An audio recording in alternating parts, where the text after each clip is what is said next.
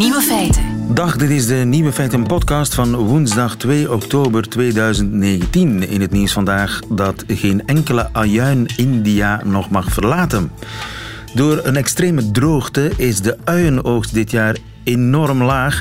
En dus heeft de Indische minister-president beslist dat alle uien in het land moeten blijven. Iedere vrachtwagen aan de grens met een lading uien die moet per direct terug. De prijs is inmiddels gestegen met 700 procent. Sommige Indiërs slaan aan het hamsteren, maar ook dat is ten strengste verboden. De politie heeft al raids gehouden op uienhamsteraars die meer dan 500 kilo illegale uien in hun kelder hadden. Indiërs vinden uien namelijk heel belangrijk. Ze gaan in ieder gerecht. Het is het goud van onze keuken, al dus een Indische chef. De andere nieuwe feiten vandaag. Anuna de Wever gaat naar de klimaatconferentie in Chili per zeilboot minder heupen zullen breken dankzij een Nederlandse uitvinding, namelijk de heup airbag. Wijnrecensenten praten geen poëtisch koeterwaals, maar wel een eigen taal. En Tom Waas is nog nooit naar het hellensvlak van Ronquière geweest. De nieuwe feiten van Nico Dijkshoorn hoort u in zijn middagjournaal. Veel plezier. Radio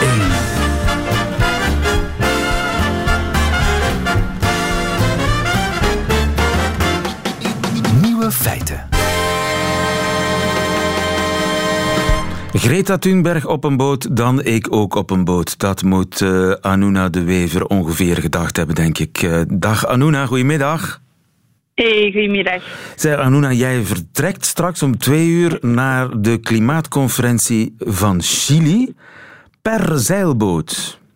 Ja, klopt. Helemaal in uh, Chili. Um, en het was mijn, mijn gedachtegang was eerder Greta op de kop, ik op de kop. Dus, uh, maar ja, zoals je weet, ik vlieg niet. Dus vandaar uh, met en de boot. Hoe lang ga je erover doen? Vijf weken zeilen, ja. En dan um, komen we aan in Recife in Brazilië. Dan gaan we naar, twee weken naar het Amazonewoud. En dan gaan we met de bus naar Chili, Santiago, om twee weken de kop bij te wonen. Vijf weken op een zeilboot, ben je daar klaar voor, Anuna? Ik denk dat niemand daar echt klaar voor kan zijn. Maar uh, allez, we zijn ons hier aan het klaarmaken. En het is een heel toffe groep, het is een grote boot, dus uh, allez, ik zie het wel zitten. Want uh, ik heb dingen gelezen over Greta Thunberg, die op haar boot naar New York zat. Ja, dat is een soort never-ending kermis-ride, hè? In zo'n zeilboot, ja, ja, ja, dat gaat op en neer. Ja, ja, absoluut, absoluut. En we hebben echt een, een heel grote boot. We zijn in totaal met een crew van 42 mensen, dus het is echt een heel groot schip. Um, maar ja, we doen het natuurlijk omdat we niet willen vliegen en omdat we willen aankaarten dat er nu geen goede alternatieven zijn om een voor een vliegtuig te nemen. Het is niet normaal dat ik nu vijf weken op een zeilboot moet zitten en uh, dat dat het enige alternatief is voor een vliegtuig. Dus het is tijd dat we beginnen investeren in die technologische ontwikkelingen en Ja. stoppen met subsidies te geven aan de vliegtuigmaatschappijen. Je weet dat eh, jouw collega, als ik dat zo mag zeggen, Greta Thunberg, veel kritiek heeft gekregen omdat haar crew dan wel vloog en dat er eigenlijk dan voor haar specifieke zeiltocht een heleboel vliegreizen zijn gemaakt door andere mensen. Is dat in, in jouw geval ook zo? Ja, nee, nee, nee, absoluut niet. Dus iedereen eh, die op de boot zit, komt gewoon met de boot naar Brazilië. En die boot wordt ook door dezelfde crew eh, teruggezeild. Dus, Dus je ons, gaat eh, ook nog eens vijf weken terug op de boot. Nee, dus voor mij, ik weet zelf nog niet hoe dat ik terug ga gaan. We zijn nu aan het zoeken naar alternatieven zoals een cargoschip, omdat er is een bepaalde stroming in de Atlantische Oceaan waardoor dat je niet kunt terug oversteken. Dus als we dat willen oversteken, moeten we wachten tot maart. En dat is natuurlijk ja, veel te lang. Dus je weet nog niet helemaal hoe je terugkeert eh, van Chili. Nee. Wat ga je in Chili zelf doen? Welke boodschap ga je daar brengen? Ja, dus ehm, we gaan langs de ene kant naar het Amazonewoud en daarmee gaan we ja, het woud bezien, eh, de goede dingen eraan, maar ook de, de bosbranden. En we gaan veel eh, local chiefs ontmoeten, dus een beetje, ja, we gaan echt wel zeggen van oké, we willen jullie helpen, we zijn de jongere generatie en we staan er klaar voor. En op de kop willen we onze wereldleidersverantwoording roepen, zoals dat we al hebben gedaan. We hebben nu langer, langer dan een jaar actie gevoerd. En onze stem moet daar ook gehoord worden, want het is duidelijk dat we veel druk kunnen zetten, dat er dingen aan het bewegen zijn. En dus ik ben heel blij dat er gigantisch veel jongeren nu naar de kop gaan, Ja. om ervoor te zorgen dat dat ook wordt eh, omgezet in een beleid. Ja. Je moet niet op school zijn. Nee, dus ik ben afgestudeerd van het middelbaar. En ik neem nu een, uh, een sabbatjaar om mijn heel jaar in te zetten voor klimaatopwarming. En dan uh, ga ik volgend jaar studeren. Ik zeg het maar, want heb jij het uh, regeerakkoord gelezen, het Vlaamse regeerakkoord? Ja, ik had iets gelezen over dat er enorm hard actie ging worden gevoerd rond spijbelen. De Vlaamse um, regering gaat ik... alle vormen van spijbelen actief bestrijden. Alle vormen van ja. spijbelen. Voel jij je aangesproken? Ik voel me absoluut niet aangesproken. Waarom zou ik mij aangesproken voelen? Nee, maar ik bedoel, uh, dat, dat is heel tof. Maar wij gaan gewoon verder blijven spijbelen voor het klimaat. Dus, uh, allee, ja, meer kan ik daar niet veel over zeggen. Dus jullie gaan zich daar niks van aantrekken, van die passage in het Vlaamse Nee, uiteraard niet, omdat zij, en dat is ook duidelijk, zich niet veel van ons aantrekken. Ik weet niet of dat u het uh, hoofdstuk klimaat hebt gelezen in het nieuwe regeerakkoord, maar het komt erop neer dat er gewoon niks gaat worden gedaan. We laten de internationale ambitie los. We waren al nergens internationaal, nu zijn we helemaal nergens. Um, Ursula von der Leyen heeft al gevraagd aan Vlaanderen om een veel ambitieuzer klimaatbeleid op te nemen. Um, maar we negeren dat gewoon. We negeren de jongeren, we negeren de druk vanuit Europa, we negeren het feit dat deze wereld in brand staat. Dus ja, sorry als ik dan het, uh, het spijbelen en heel het beleid daar rond ook een beetje negeer. Anouna de Wever, goede vaart. Dankjewel voor dit gesprek. Enorm bedankt. Goedemiddag.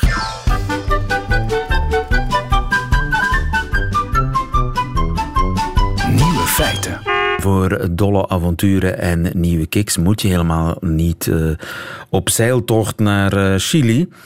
Het bijzondere kan ook in het banale zitten namelijk, en dat beseffen we te weinig. Zo ontdekte barones Mia Doornaert onlangs, dankzij ons, de geneugten van het pannenkoekenbakken.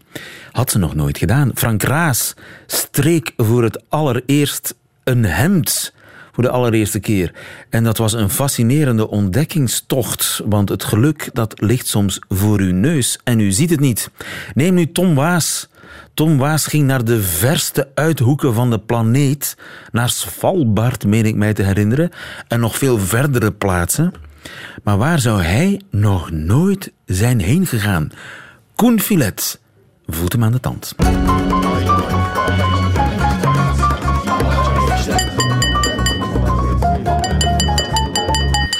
Ik ben Thomas en ik heb nog nooit het hellend vlak van Ronkeer gezien.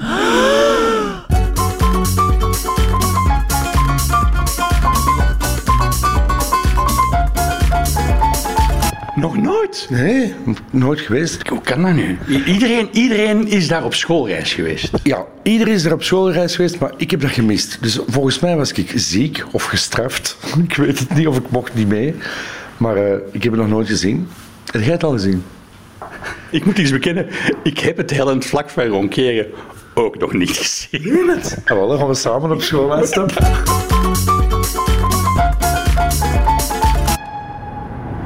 Nog twee kilometer. Ja, alleen, wat staat er? Ah, daar, daar, daar, daar, daar. Wat meen Links. het? Links een soort een enorme toren. Hè? Is dat hellend vlak? Ik weet het niet, denk het. Doe mij een klein beetje aan de ijzertoren denken qua constructie. ja, ja. En maar van onder zit er inderdaad een soort Ziet je een hellend vlak? een vlak. Ja, ja een vlak is dat niet, maar... maar waarom moet dat zo hoog zijn? Een soort van uitkijktoren. Ja, hoog is die toren? 60, 60 meter? Waarom moet dat zo hoog zijn? Meester Vleet, waarom Ja, moet dat zo hoog weet- zijn? Ik weet het niet, Tom.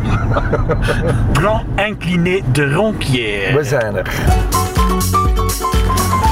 Het bezoek begint met de lift hier op de rechterkant. En jullie volgen de pijlen en panoramisch uitzicht tot 150 meter hoog. Oké.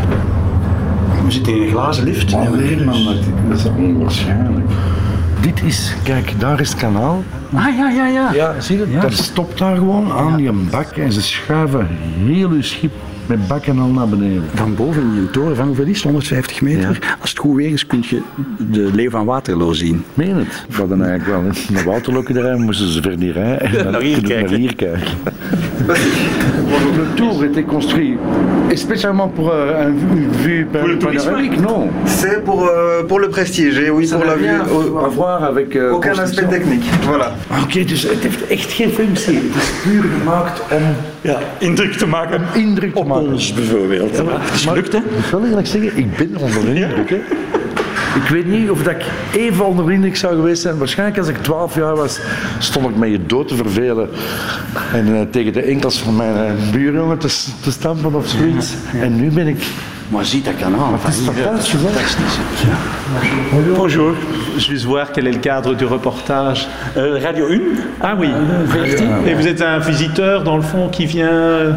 Oui, je suis, je suis présentateur sur la télévision chaîne euh, flamande. Je suis venu parce qu'on est un petit peu inquiet, je peux le dire. Ah oui, oui. C'est qu'il y a, il y a quelques années, notamment, on avait, on avait eu la mauvaise surprise d'avoir Bart de Wever sur les investissements en Wallonie. Et, et il est venu quelques semaines plus tard avec des billets de banque euh, sur l'ascenseur. Ah oui, oui, oui. c'est- Ah, pour ça qu'on est quand même attentif parce qu'ici euh, on a quand même 20 000 visiteurs. On veut pas que les gens, euh, on a besoin de visiteurs. Le tourisme, oui, c'est ça. Mais le plan est sur la liste des travaux inutiles. Pourquoi? Alors, il faut savoir que la, la batellerie, à un moment, a été un peu délaissée au profit des autoroutes. On avait en Belgique tous les équipements nécessaires pour pouvoir avoir une alternative à la route. Tous les équipements qui sont mis en place permettent d'avoir une croissance euh, de plus en plus importante de la voie d'eau. Het is een beetje wat hij zei. De laatste jaren wordt de scheepvaart gestimuleerd. En daardoor wordt het eigenlijk ja, meer en meer nuttig. Hoe groter het fileprobleem wordt, hoe nuttiger het eh, Ja, vlak van de- absoluut.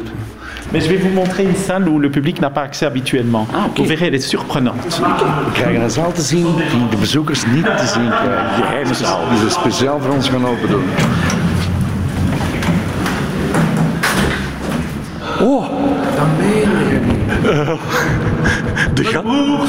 Ja, de galm. Enfin. Wat is dat, man?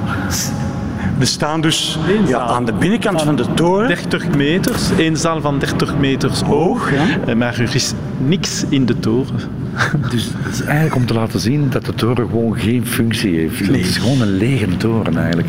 Met boven een paar ramen in om te kunnen, die panorama te kunnen bekijken. En dat is het. We staan hier gewoon in een lege toren. 13 seconden. De galm. De, de galm duurt 13 seconden.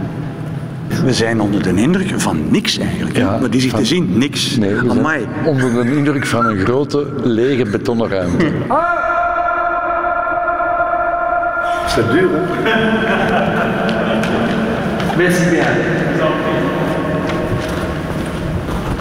Ja, dat is, eh, dat is de, de grootste lege betonnen toren die ik in mijn leven heb gezien. Oké, het is aan de eh, ambiance te horen dat we buiten zijn ondertussen. We zijn terug staan buiten, terug ja. in de open lucht. Einde van ons bezoek. Ik vind het, eh, ik ben Nieuwe Feiten heel dankbaar dat ik, eh, dat ik het eindelijk gezien heb. Is graag gedaan, Tom. Radio 1.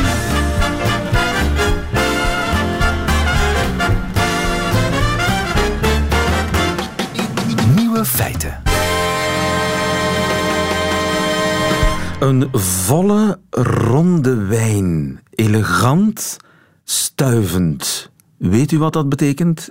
Ik ook niet. En zou die wijnrecensent het zelf wel weten?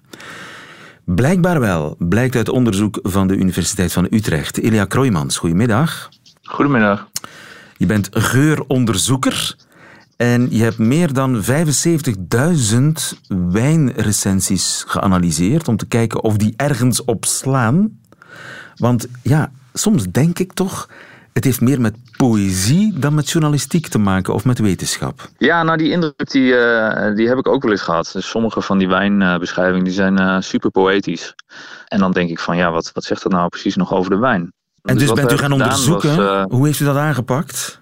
Ja, nou we hebben ehm, eh, bijna 75.000 eh, wijnreviews in een, eh, in een computer gestopt. Ehm, zodat de computer zeg maar, leerde welke aspecten van welke review zeg maar, bij welke wijn hoort. En vervolgens hebben we de, de computer nieuwe reviews gegeven om te voorspellen welke wijn er werd beschreven. Dus als er geen eh, consistentie in de reviews zit, dus als de reviews eh, zomaar wat, eh, wat poëtisch eh, bla bla zijn, dan zou je verwachten dat de computer eigenlijk gewoon een willekeurige keuze maakt. Maar wat we zagen was dat de computer eigenlijk heel goed was in het voorspellen welke wijn eh, ehm, er werd beschreven. Dus de computer kon met eh, behoorlijk hoge, accuratesse voorspellen of de wijn die beschreven was rood, wit of rosé was. Of uh, welke druivensoorten werd beschreven. En dus zou je aan de computer een beschrijving kunnen geven en de computer kan dan zeggen dat is die wijn? Ja, de computer kan zeggen, uh, nou, dat is in ieder geval dat is een rode wijn. Of, maar hij kon niet de, de werkelijke naam het wijnhuis noemen? Nee, nee, nee. Dat, dat was ook informatie die we niet aan de computer hebben gegeven. Omdat dat, ja, um, van elke wijn hadden we maar zoveel reviews. Uh, dus daar kon de computer niet, uh, niet genoeg leren, zeg maar, hoe, uh, hoe, hoe, die soort wijn beschreven werd. Maar die reviews over één wijn, zeggen verschillende recensenten dan totaal iets anders? Of zeggen die allemaal dat het een minerale en vlezige geconcentreerde structuur heeft met zachte tannines? nou, wat ons onderzoek laat zien is dat als je bijvoorbeeld een, een review hebt van een Riesling ja, dan, dan zeggen verschillende recensenten wel degelijk hetzelfde. Dus ze zijn consistent in het beschrijven van zo'n uh, van zo'n wijn. Maar dus de conclusie is, die recensenten die spreken een gemeenschappelijke taal. Er is een gedeeld vocabularium. Ze hanteren dezelfde termen en die termen betekenen hetzelfde. Ja, we uh, hebben eigenlijk een, uh, een lijst um, ja, gedistilleerd uit al die reviews van 146 termen.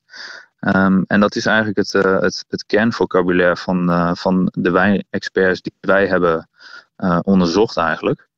Um, en um, ja, dat zijn woorden die al die 13 wijnrecensenten die we hebben onderzocht allemaal heel vaak gebruiken. En wat zijn dat voor woorden bijvoorbeeld? nou, dan kun je denken aan, aan appel of tannine. Uh, dus wat, uh, wat technisch uh, vocabulaire. Um, smaakomschrijvingen als soepel. Soepel? zacht, maar wat, maar wat, betekent soepel? soepel? Ja, ja dat, dat komt niet uit onze analyse. Um, dus dat, dat zou je dan alsnog een, een wijnexpert moeten vragen. Het, is natuurlijk, het zijn ook allemaal een beetje beschrijvingen die, die, die een soort metafoor vormen voor een ervaring. Dus Um, de ja, wijn is niet uh, echt soepel. Het is, het, is een het is toch poëzie. Het is, het is het deels is het poëzie. Ja, het zijn metaforen die ze gebruiken. Maar ze gebruiken die metaforen dus wel in een, uh, in een consistente manier. Dus ondanks dat we geen woorden hebben om geuren en smaken um, uitgebreid te beschrijven, hebben die wijnexperts eigenlijk een manier gevonden om, dat, om dat toch te kunnen doen. Ja, een jargon. Ja. ja. want ja, daar staat dan een mix van rijp rood fruit, peper, chocolade, cederhout, verse kruiden en een frisse eucalyptustoets. Ja, ik lees dat en ik denk, ik, eucalyptus in mijn wijn? Hoe kan die daarin ja, komen? Een vinoloog, iemand die wijn maakt, uh, die, die kan dat uh, waarschijnlijk veel beter vertellen. Uh, maar wat ik wel eens heb gehoord is dat bijvoorbeeld het, het vat waar een wijn in rijpt, die kan bijvoorbeeld ja, een, een soort menteltoets afgeven. Uh, wat dan wordt waargenomen als, uh, ja, als iets wat, wat lijkt op eucalyptus. Die in, die in het hout zit. Wie weet. Dus bepaalde chemische stoffen in het hout. Uh, zoals menthol. dat, Is een, dat is een chemische stof. Dat, dat kan dan uit het hout in de wijn komen. Zelf denk ik soms aroma's van kattenpis en stookolie. Maar dat heb ik nog nooit ergens gelezen in een recensie. Nee, nee, dat, is, dat zou een beetje te eerlijk zijn misschien. Want ja... Uh, de meeste reviews die zijn uh, echt vrij positief. Ook de reviews die wij hebben onderzocht, die waren, die, de wijnen daarvan, die scoorden allemaal hoger dan uh, 79 punten of zo op een schaal van 100. Um, ehm, dus wijnrecensenten zijn over het algemeen erg positief over wijn. en het is ook zo dat ze wijn die, die vies is, die, ze niet lekker vinden, en die, die lager scoort dan 60 punten bijvoorbeeld, die recenseren ze ook helemaal niet. Nee, ze, ja, dan zeggen ze gewoon rommel. Uh, dat is het enige wat ze daarover dat, ja, zeggen. Precies. Maar ja, en die, dat wordt dan niet opgenomen. Het lijkt dus uh, een orakel, maar het slaat wel degelijk ergens op. En er is een jargon waar de meeste wijnrecensenten zich aan houden. Dat is de ja, conclusie. Dat is de conclusie eigenlijk. Die experts die zijn, uh, die zijn zeker consistent in, hun, in het gebruik van die, van die 146 woorden. Blijkt uit jouw onderzoek. Dankjewel Ilja Kroijmans. Goedemiddag. Graag gedaan. Dag. Nieuwe feiten. Hallo. Het aantal heup- en bekkenbreuken in een Nederlands rusthuis is spectaculair gedaald. En dat komt door de wolk. De wolk is een airbag voor de heupen. Hans Schreuder, goedemiddag. Goedemiddag. U bent de uitvinder van de wolk, mag ik toch wel zeggen. Is het een, uh, een heup-airbag? Noem ik, zeg ik dat goed? Ja, dat is juist. En hoe werkt dat? Nou, je hebt een, uh, een band om. En die band, daar uh, zitten een aantal sensoren in. op drie plekken. Twee aan de voorkant, één aan de achterkant. En die meten de beweging van het lichaam. En als het lichaam uit balans raakt en er een val is, dan worden er, eh, wordt een airbag aan de rechter, dan wel aan de linkerzijde geactiveerd. En dat gebeurt razendsnel in een tiende van een seconde, zodat als je valt, de airbag opblaast en voordat je de grond raakt, uh, je beschermt. Het exact hetzelfde systeem als in de auto eigenlijk. Het is exact hetzelfde systeem, alleen de, het activeren gebeurt op een hele andere manier. En daarvoor zit er op je rug een klein computertje. En dat computertje, daar is een algoritme op geschreven. En die maakt een onderscheid tussen de dagelijkse bewegingen en een echte val. En die herkent uh, een echte val. En in dat ene rusthuis waar die wolk is uitgeprobeerd, is het aantal uh, breuken spectaculair afgenomen. Ja, absoluut. We hebben een jaar lang bij de zorginstelling Tante Louise uh, met 50 wolks een test gedaan.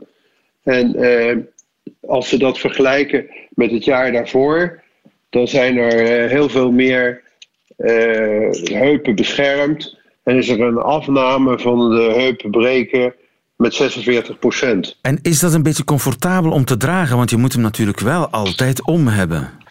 Nou, het leuke is, aanvankelijk onze eerste versie was wat zwaarder. Die droeg je boven de kleding en die woog een kilo. Inmiddels zijn we wat verder en uh, over een paar weken is de Wolk Plus beschikbaar. En die weegt nog maar 450 gram. Maar het mooie is dat je die helemaal onder je kleding kan dragen, zodat niemand het ziet. En uh, heupbreuken, dat komt gigantisch veel voor. Hè? Ik, had een, ik had een moeder, die was op het einde van haar leven uh, geveld door Parkinson, waardoor ze wat, wat lastiger bewoog. En ja, die heeft beide heupen gebroken, op verschillende momenten. Ja, dat komt heel veel voor. Niet alleen bij Parkinson-patiënten, maar ook gewoon bij wat oudere mensen. Uh, vaak lopen ze eerst met een stok, dan hebben die mensen soms een rollator. Ze bewegen wat minder makkelijk uh, en vallen daardoor snel. Maar wat ook heel erg belangrijk is, vaak zijn mensen ook bang om te vallen. En als je bang bent om te vallen, ga je krampachtig lopen.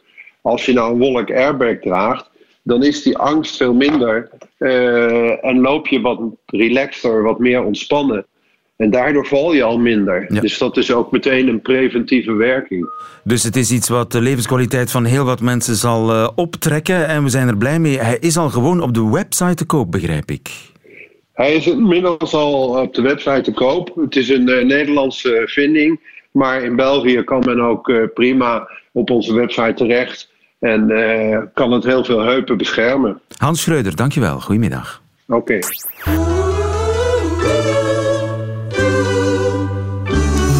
Feiten. Alle nieuwe feiten heeft u gehad, alleen nog die van Nico Dijkshoorn niet. Dit is een middagjournaal. Nieuwe feiten. Middagjournaal. Beste luisteraars, hier in Leiden, de stad waar ik nu alweer een jaar of dertien woon, wordt morgen door iedereen hutspot gegeten. Hutspot, dat is misschien wel het meest Hollandse voedsel ooit. Doe maar gewoon, dan doe je al gek genoeg. Hier het recept. Kook aardappelen en wortelen tegelijk in een pan vol water. Giet het water af. Eet het op. In Nederland eten we om niet dood te gaan. Andere oer-Hollandse gerechten zijn boerenkool. Kook een kool en eet hem op. Haché, stoof uien vier uur lang en eet ze op. En zuurkool. Doe kool in een ton en laat die vier jaar in de zon staan. Op 3 oktober komt eigenlijk alle ellende één dag lang op natuurlijke wijze bij elkaar. Vlees eten, veel drinken, heel hard schreeuwen en daarna lekker naar de kermis. Er bestaat geen verdrietiger geluid dan een kermis op een kilometer afstand. Als ik de deur van mijn huis openzet, dan hoor ik mijn jeugd. Mijn vader, hij schoot ontelbare foto's op de kermis. Een paar van die foto's heb ik nog. Ikzelf, net met mijn hoofd boven een soort van balie uit. En vlak naast mij, mijn vader en mijn moeder. Mijn vader met een geweer aan zijn oog. En mijn moeder, zwanger van mijn nieuwe broertje, vlak naast hem. Flits, weer een foto geschoten. Als ik een kermis hoor, dan denk ik aan mijn ouders. Allebei dood inmiddels. Ja, luisteraars, dit lijkt niet echt een stukje te worden waarmee u zich door de dag kunt trekken. Maar het is even niet anders. Die domme, blije geluiden van een kermis, het gegil van meisjes, de scooters van de jongens, de laatste hits. En daaroverheen de stemmen van mannen die je naar hun attractie willen lokken. Ik begrijp het als volgt. Al die lieve meisjes en al die lieve jongens, ze weten nog helemaal niet dat hun ouders ooit ziek worden. Dat is de functie van kermis. Even vergeten dat je in het land van de hutsport woont. Even vergeten dat je in ons land en uw land in een paar uurtjes van noord naar zuid kunt rijden. Wat ik vandaag en morgen ga horen, dat is het geluid van mensen die zelf ook wel weten dat we er maar gewoon het beste van moeten maken. Net zoals u vandaag, luisteraars. Maak er een prachtige dag van.